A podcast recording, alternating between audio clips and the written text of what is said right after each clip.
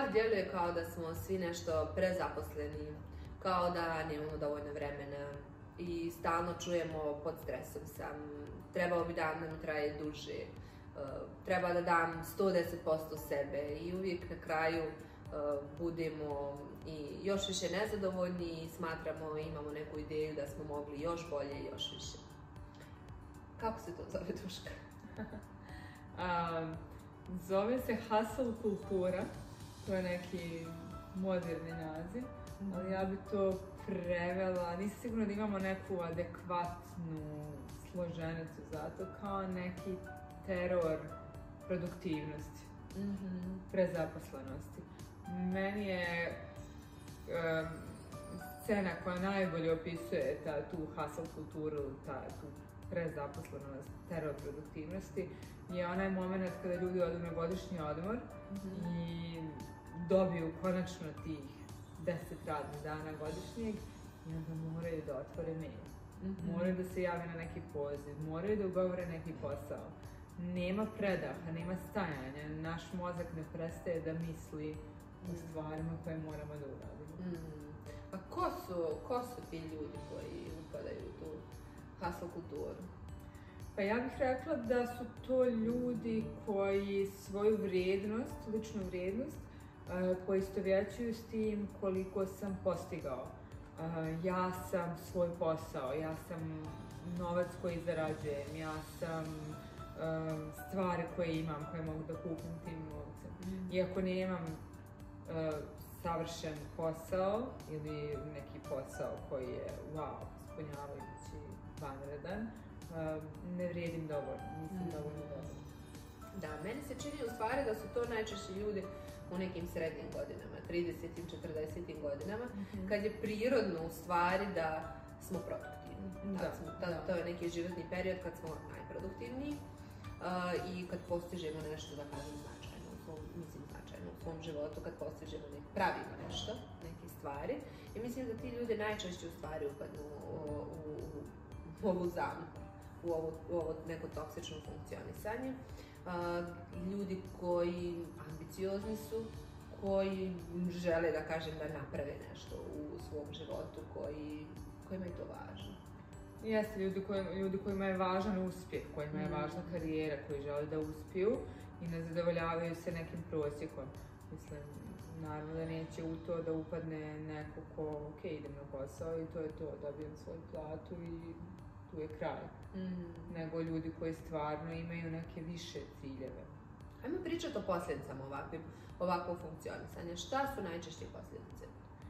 Pa ja bih rekla da je jedna očigledna posljedica da će ti ljudi da sagore kad tad. Mhm. Ljudi koji ne znaju da stanu, nemaju mhm. kraja, ne, mogu da se isključe. E, jednostavno će se mhm.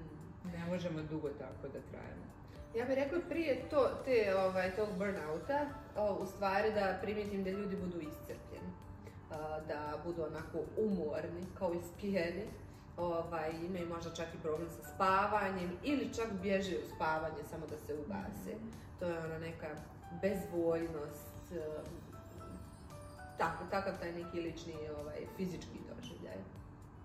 Pored toga, ono što ja vidim jeste da, odnosno da ovakav način funkcionisanja uvodi u demotivaciju to su oni ljudi koji, ima motivacija odnosno skače. Ili su premotivisani ili su totalno demotivisani. I ono što sam ja primijetila jeste da svi ovi ljudi u stvari krenu, početna tačka je krenu od toga što nešto vole.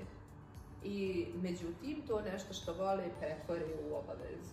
Zato što moram da postignem e, ne znam, neki uspjeh u ovoj oblasti, moram nešto napraviti od ovoga, vidim neki potencijal taj početni i momentalno, kad onda to postane moram, naravno da motivacija onda varira. Pa motivacija prirodno varira. Prirodno je da imamo skokove i padove motivacije, a pogotovo je teško održati motivaciju kad smo umorni i iscrpljeni. Kada taj posao nas preuzme toliko da mi sebe ne dopuštamo da se odmorimo, mhm. e, prirodno će motivacija da padne. naše naš mozak ne želi da se preoptereti. Osnovni cilj našeg mozga je da očuva resurse i da smanji količinu stvari koje treba da obradi, uradi. I prirodno je da naš mozak odbija da uđe u takav sistem. Ok, mozak u tom trenutku kaže ti ovo što ti radiš nije dobro za mene, stani, prekine, mm. obustavi, abort, bukvalno. Jeste, ali ta neka ekstremnost eh, isto je karakteristična i za samopoštovanje. To su obično posljedica ovakvog načina funkcionisanja jeste prenisko ili previsoko samopoštovanje. Eh, onda se ljudima dešava ili da previše vjeruju u sebe, ja sam taj, mhm. ili ja nisam ni za šta, ništa ne vrijedim. Znači nema one neke sredine prihvatanja sebe sa greškama, manama i sa vrlinama, već su stvari baš u tim nekim ekstremima. Da, između nekog narcizma, narcistički crta mm. i neke totalnog obezvređivanja sebe. I tu upravo u vezi s tim, ja bih rekla da u vezi s tim što svoju vrijednost smještaju taj posao, u to što mm. rade. A neki normalan tok stvari je da će stvari da jedno vrijeme idu uspješno, nakon toga neće da idu toliko uspješno, pa će opet da budu uspješne i tako se vrti krug života.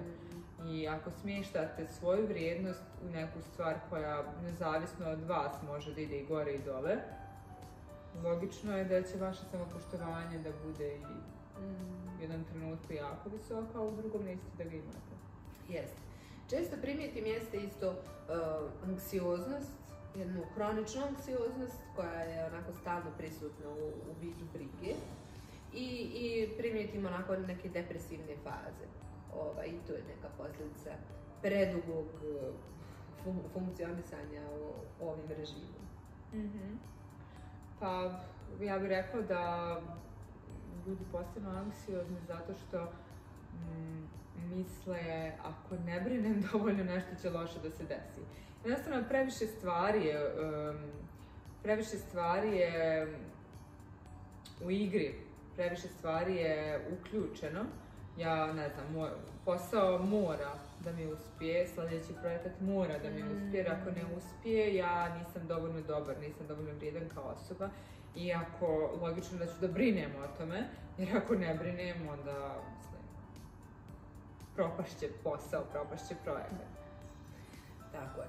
Ne znam da li si primijetila, evo sad mi dosta pričamo o tome da o poslu da, da, mhm. da se ovaj, ovaj način funkcionisanja odnosi samo na oblast posla. Međutim, ono što sam ja primijetila kao da je to prevaziđeno. Danas u stvari nam kažu e, ne trebamo biti samo uspješni i dobri na poslu, već trebamo da budemo, ne znam, i u drugim segmentima svog života isto tako ovaj, savršeni. I onda smo mi taj neki način funkcionisanja prebacili i ovaj, u, u druge segmente. Pa onda želimo da budemo super majka, super supruga, ne znam, ili u muškom rodu odličan otac, neko ko vježba maksimalno, neko ko se hrani zdravo, koji ima super dobar socijalni život. i tako dalje. Jednostavno... I uz to vikendom ide u galeriju i u kino. da, da, da, posjeđuje sve, predstave i, u toku je, čak i pročitaj neku knjigu kao da su i sve te neke stvari koje su nam nekada bile predah, koje su nam bile, ne znam, um, relaksacije, sad u stvari i u tim oblastima funkcioniš po principu to obaveza, to moram raditi. Moram da budem u svim segmentima savršena.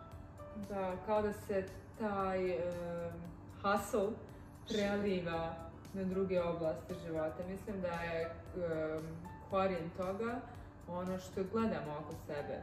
Mi smo danas zatrpani informacijama, slikama, videima, koje kakvim,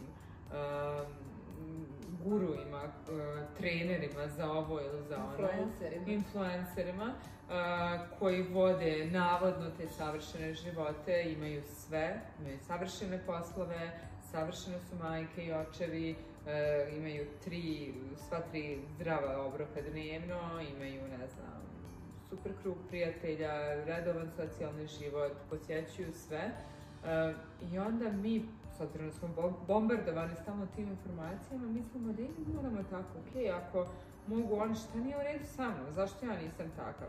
Gdje je problem u meni? očigledno ja nisam dovoljno dobar, moram da budem bolji. Mm. I uvijek je taj problem, moram da budem bolji, moram da budem savršeniji, moram da budem što bliži savršenstvu. Mm-hmm. Ne smatajući pritom da savršenstvo ne postoji. Nema savršenih ljudi, nema savršenih radnika, majki, ne znam, prijatelja, šta god. Mm-hmm. Ali hajde sada pokušamo, ne je teža pred nama, ali da vidimo šta je iza. Zašto ljudi lako upadnu u takav način funkcionisanja? Šta je ono što ih vuče?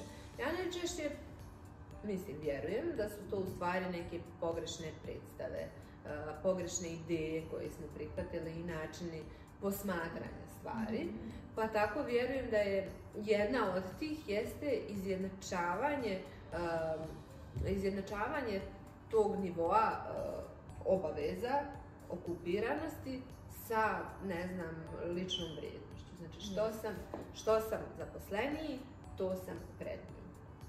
Ja mislim da je u korijenu generalno um, problema je zapravo pogrešno, upravo to što si rekla, pogrešna um, definisanje lične vrijednosti. Odnosno, uopšte taj princip vrednovanja sebe na osnovu nečega. Mhm. Vrijedim ako sam prezaposlen, vrijedim ako imam neki sjajan posao, vrijedim ako imam puno para, vrijedim ako me drugi prihvataju, što je netačno. Mi mhm. vrijedimo i bez svega toga. Mhm. Mislim, šta ćemo sa ljudima koji zapravo ne idu u kino vikendom i nemaju tri dnevno zdrava obroka i koji nemaju neki uh, dobar posao, a 80% ljudi je tako. Mm. da ih izvedemo i streljamo sve ono na trgu. Mm. Zašto? Zato što ne vrijedimo dovoljno. Tako je, zato što polazimo negdje od ideje da je ljudsku vrijednost u stvari moguće izmjeriti. Da. Kao da smo, ne znam, kilogram banana, pa možemo odrediti ovaj, kakva je naša vrijednost eh, na osnovu toga. A negdje je to neko pa da kažem, pogrešno, pogrešno viđenje, pogrešno... Ne samo pogrešno, nego izmišljeno. Mhm. To je nešto što smo mi smislili, mhm. sami sebe nametnuli i vodimo se slijepo time i stalno svima stvara problem. Mhm. Imamo kao neke tačke polazne ovaj, na osnovu kojih se mjerimo. A te tačke polazne nam sad, kažem, najčešće danas daju ti neki likovi ovaj, sa društvenih mreža i mi te tačke polazne uzimamo kao zdravo za gotovo, bez ikakvog kritičkog preispitivanja Odnosno, ne, ne, uopšte ne ispitujemo da li je to realno, da li je to za nas dobro, da li je to moguće, to, to neko njihovo način funkcionisanja. I onda, ako nismo u tim polaznim tačkama, u tim osobama na osnovu koji se mjerimo, jednostavno neprijedni. Da, mislim da su čak ljudi sad otišli malo dalje od toga. Mislim da je u ovom trenutku ljudima jasno da je e, ono što vidimo na društvenim mrežama većina laž. Mislim, zdravorazumski je jasno i većina ljudi kad pogleda to jasno im je da to ne može da postoji. Ali mislim da e, je jednostavno to kao ono, ne znam, utiskivanje slika. Mm da je jednostavno toliki teror tih informacija koje dolaze do nas, da je jako teško odbraniti se time čak i nekim, čak i ako smo potpuno razumne ljudska bića koja shvataju da to ne postoji, to nije moguće. Mislim da je jako teško odbraniti se, da moramo stalno sebe da podsjećamo ok, ovo što vidimo ovdje, to nije tačno. Mhm. Ko zna šta stoji iza te kamere, iza tog fotoaparata, iza cijele te priče. Ko zna šta stoji iza tog gurua koji priča, ko zna šta. Mhm. Ili kakav je njegov život ili zašto on to priča, koja je mhm. tu njegova ono, uloga i misija. Mislim da, da je, nije više dovoljno samo da znamo, da, da imamo spoznaju da je to lažno, nego moramo stalno sebe podsjećati i raditi na tom i ponavljati sebi ovo nije realan život i ovo nije moj život i mhm. moj život je dovoljan i bitan, a mhm. ovo na što vidim ispred sebe je fikcija. Mhm. Da, u suštini da, da, da ne bude zabuni, nije loše to što neki ljudi propagiraju da budemo, ne znam, bolji u nekim segmentima svog života, ali negdje je važno na nama onda da napravimo i granicu i da kažemo ok, bilo bi dobro da ja, ne znam, i u svakoj oblasti života napredujem i ne znam, usavršavam se i u roditeljstvu i u partnerskim odnosima i u poslu. Ali ako to i ne uspijem, to ne znači da ja nisam vrijedan. E, taj dio je važan. Da, to je, ono, to je mm, priča sa psihoterapijskog susreta. Ono. Prvo što radimo sa klijentima, sa kojim god problemom da dođu, je, ok, ajde prihvati sebe sa tim mm. problemom.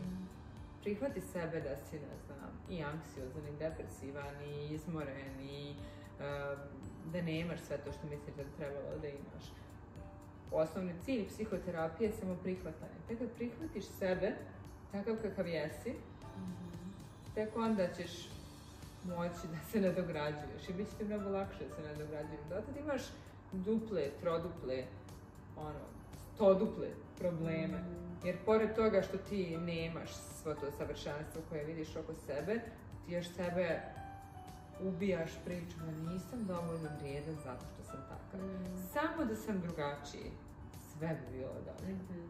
Ali ovako ja ne vrijedim dovoljno. Što je laž, nije tačno. Mm-hmm. Baš tako. A ono što je još neka ideja koja stoji iza ovog načina funkcionisanja koja nam je plasirana i koju smo isto zdravo za gotovo uzeli jeste ideja da što smo više zaposleni, što smo više zaposleni, to smo bolji radnik. I onda imamo sliku tog nekog i kroz filmove i kroz, ne znam, opet kažem i društvene mreže i svakodnevnu realnost.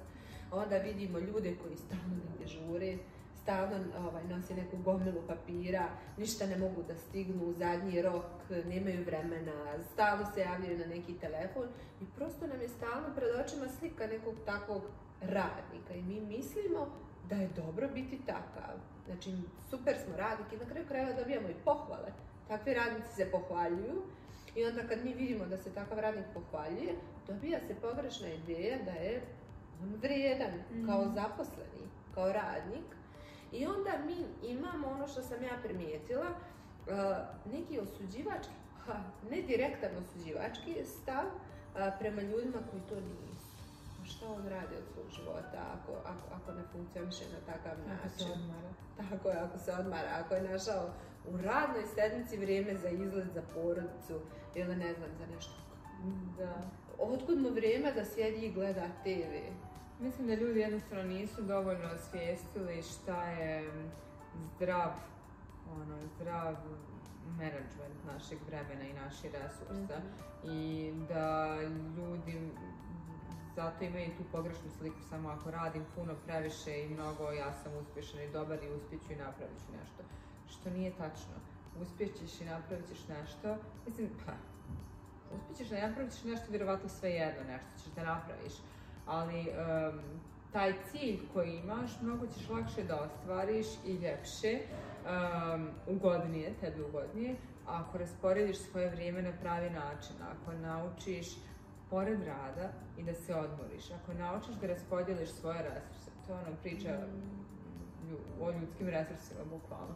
Ako naučiš da rasporediš svoje resurse, da, ako naučiš da gdje treba da oduzmeš i da dodaš, kada treba da se odmorim, kada treba da zapnem mhm. više, bit će ti mnogo lakše da ostvariš ciljeve koje imaš. Mhm. Ovako ćeš da se mučiš, mhm. mučiš i mučiš i mučiš i na kraju kad dođeš do tog nekog cilja, neće ti biti bitno. Mislim, svi poznajemo vjerovatno na osjećaj kada ne znam nešto, toliko pokušavamo da uradimo, dobijemo, postignemo i onda kao kad to uradiš kao hmm, i šta sad, šta mhm. dalje, gdje dalje, idemo dalje. Mhm. Moramo i da bude još nešto, još nešto, još nešto. Mhm. možda bi mogli prosto i da prestanemo da vrednujemo takav način funkcionisanja. Ovaj, da mi budemo ti koji ćemo, koji ćemo staviti tačku, pa kad vidimo neku takvu osobu koja tako funkcioniše, pa da ne budemo baš da je to normalno. da, da normalizujemo takvu pojavu, već u stvari da stavimo tačku i kažemo u stvari da je možda normalno neko koji ima tu funkcionisanje o kojem si ti upravo sada govorila i ovaj, da, da, se nekako kad to vidimo ono, da, da, da kažemo e, ovaj čovjek je ok, umjesto što kažemo e, ovaj, onaj čovjek je zaposlen dobar, dobar. Ono što, još negdje primijetim, e, neka ideja koja se ustalila, koja stoji iza cijelog ovog ovaj, sindroma, da kažem, jeste taj neki osjećaj ponosa cool je biti u ovakvom načinu funkcionisanja. Kao, kao, da, čujem ponos u ljudima kad kažu, ne znam, joj, da mi dan traje duže, ili ne znam, danas, ne znam, nisam stigao da mislim o sebi, ovaj, mhm. nisam stigao ovo ili ono, ili bio sam prezaposlen. Negdje kao da, negdje kao da stoji ideja da što sam više produktivan, to sam više željen, to sam više potreban drugim ljudima i opet kažem to sam više vrijedan To je e, to ona priča o tome da mi stalno tražimo neki aplauz, mm. prihvatanje drugi ljudi. E, bukvalno u stanju smo da istrpimo sebe na sve moguće načine da bi nas drugi ljudi prihvatili, odobrili i mm. rekli to ok, super, sad si dobar. Mislim, to jeste, mi imamo tu neku urođenu potrebu, želju, instinkt da nas grupe koje su nam važne voli, ali sad u ovom modernom svijetu vrlo je teško odvagati ko to treba da nas voli, mm. ko to treba da nas prihvati i odobri. Mi tražimo prihvatanje svih. Mm. Nekada davno u, nek u vremenu je trebalo da te odobri tvoje pleme. Ti ne mm-hmm. znam, desetak ljudi koji su isto pećini. Znači bitno je bilo da te oni odobre da te ne izbaci iz mm. pećine da te ne pojede vuk. Ali sada mi tražimo ono, Milion pratilaca, hiljada ljudi koji aplaudira. Ako može ikako cijeli svijet. Mm. I to ono što nam pravi problem. Mm. Tako je, radimo sva ta ponašanja radi pozitivnog mišljenja drugih ljudi. Mislim, da li je moguće da mi svoj život činimo, pa da li, da li je preteško reći jadnim, ali odnosno preokupiranim, toliko, ono, toliko strašnim, iscrpljujućim, samo da bi dobili u stvari pozitivno mišljenje od nekih drugih ljudi. Mislim kako je to ironija u, svemu tome. Ok, a hajde da vidimo sad kad smo ovako uspjeli da pokušavali bar da, da neku dubinu ovaj, svog ovog funkcionisanja, šta su implikacije, šta možemo ljudima da kažemo, ovaj, šta da rade?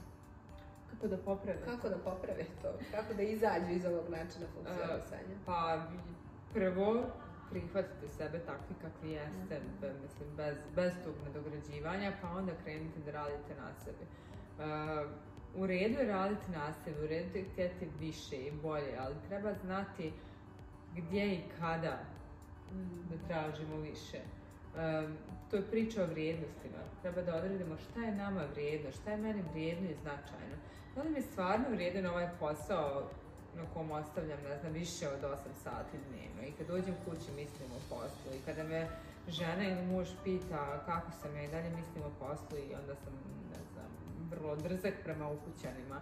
Nemam vremena da se vidim s djecom, nemam vremena da se vidim s prijateljima. Tada pa je to stvarno vrijedno. Mhm. Mislim, može da se, naravno, ovo može da se i na druge oblasti, ovaj, primjeni, da, primjeni, ali u principu kada govorimo o sada kada smo već krenuli da pričamo o, karijeri i mhm. o, ne znam, toj mhm. želji za, za prihvatanjem od drugih ljudi, e, treba da se zapitamo šta je nama vrijedno u našem životu i gdje treba da uložimo svoju mhm. energiju. Jeste, da li u stvari, mislim, da li moramo da prihvatimo sve te neke potrebe koje imaju drugi ljudi kao naše potrebe? Postoje neke stvari koje moramo. To je moramo, ne znam, raditi da bi imali platu moramo plaćati državi porez? A da li moramo prihvatiti tuđe potrebe? Da li nam je potreban zaista veća kuća? Da li nam je potreban, e, ne znam, bolji automobil? Da li su to neke potrebe koje zaista ja želim ili želim da imajući to me drugi ljudi prihvate? Da li na taj način će me drugi ljudi više htjeti, više zvati, više voljeti, više cijeniti. Da, dobiti aplauz. Tako, da ću dobiti aplauz. I isto tako, onda možda se izmaći i razmisliti da li je to ono što želim. I sa druge strane razmisliti koliko su to neke površne stvari koje nam čine neko trenutno zadovoljstvo. I usmjeriti se možda na nekih stvari koje nam dugoročno stvara zadovoljstvo, kao što su, na primjer, odnosi sa drugim ljudima. Kad imam kvalitetne odnose sa drugim bliskim ljudima u svom životu, onda sve ove stvari o kojima smo pričali su dobro došle, ali nisu neophodne. Mhm. Kad ja imam super odnos sa svojim partnerom, onda bi bilo lijepo da mi imamo veću kuću, da mi imamo bolji automobil, ali ja sam zadovoljan i ovako, to će samo potpuniti našu sreću. Ali nije mi neophodno u životu. E taj moment da shvatimo jesu li nam stvarno neophodne te stvari. hoće li nas ljudi zaista cijeniti zbog svega toga i da li mi je potrebno na kraju krajeva odobrenje tolikog broja ljudi. Ja mislim da je to, odnosno neki ključni moment izlaska i, iz ove priče, iz ovog načina Da, ima ona simpatična priča o tome šta su ljudi rekli na kraju svog života kada su ih mhm. pitali i apsolutno niko nije rekao žao mi je što nisam više radio. Mhm. Nikom se nije omaklo da to kaže. E, ljudi su većinom govorili žao mi je što nisam više vremena provodio s ljudima koje I čak e, istraživanja koja su rađena u zemljama koje imaju, ne znam, nešto nadprosječno duži životni vijek, pokazala da su to ljudi, odnosno u tim zemljama, u tim područjima, u stvari to nisu samo zemlje kao, države, u tim područjima ljudi e, jako e, cijene bliske odnose. Mm. I to su područja u kojima je zajednica bitna. Mm. A to je ono što mi gubimo tim mm. ako se Ehm, ako se usmjerimo samo na, ne karijeru, posao, mm, materijalne stvari. Mhm. Ajde iskoristimo priliku da najavimo jednu od narednih epizoda zato što mislimo da je jako važno stvaranje ovih nekih kvalitetnih mhm. odnosa. Pa da kažemo da će to da bude jedna od tema nekih ovaj, narednih, epizoda. Ono što mi je negdje još nekako važno možda dati kao edukaciju ljudima jeste eh, možda raditi na eh, tome da na zdravom postavljanju granica naučiti kada kaže ne, kad je dosta, kad e, želim da izađem iz nekih stvari, kad više ne želim da učestvujem u nekim novim projektima ili nekim novim stvarima ili obavezama ili da prihvatim novi, e, ne znam, plan treninga ili neki novi odmor na kraju krajeva, mhm. ovaj, iako zvuči sjajno i dobro. E, I mislim da je to isto važna stvar koju ljudi ovaj, treba da nauči, bi pa bilo dobro to da ih nauči. To je ona priča o tome da stvarno treba više, da vam mhm. stvarno treba još. Mislim, kako granice prema drugim ljudima postavljamo, tako treba da postavimo granice prema obavezama i tu opet priča o čuvanju svojih resursa. Mhm. Mi resursi, iako ono, ti hustle guru i govore da su resursi neograničeni, i ako radimo dovoljno i 110% i mhm. trudimo se dovoljno, sigurno će doći nagrada, to nije tačno.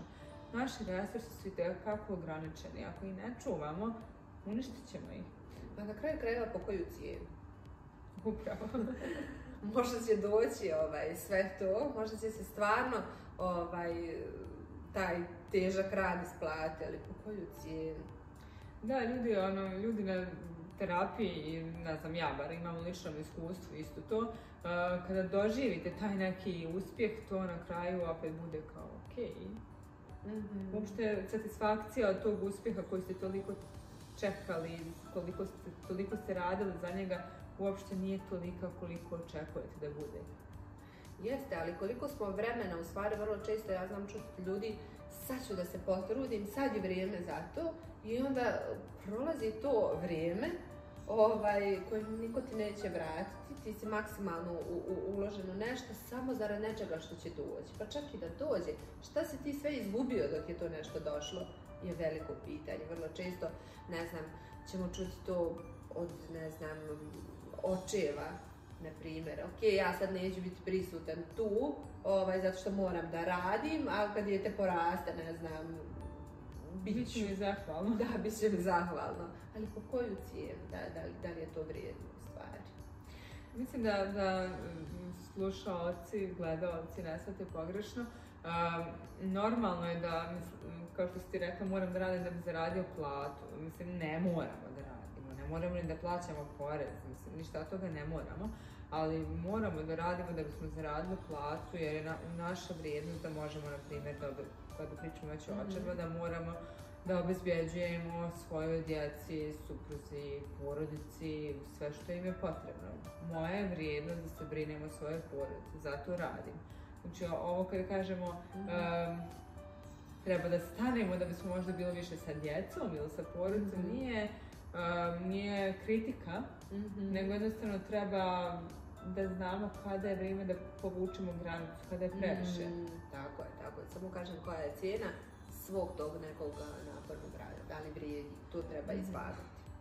Ok, ono što možda još bilo dobro da ljudi nauče o svemu ovome jeste da razviju tu neku e, odnos fleksibilan prema samoj sebi, prema samom sebi. Samo prihvatanje nasuprot težnje visokog, očekivanja, visokog samopoštovanja.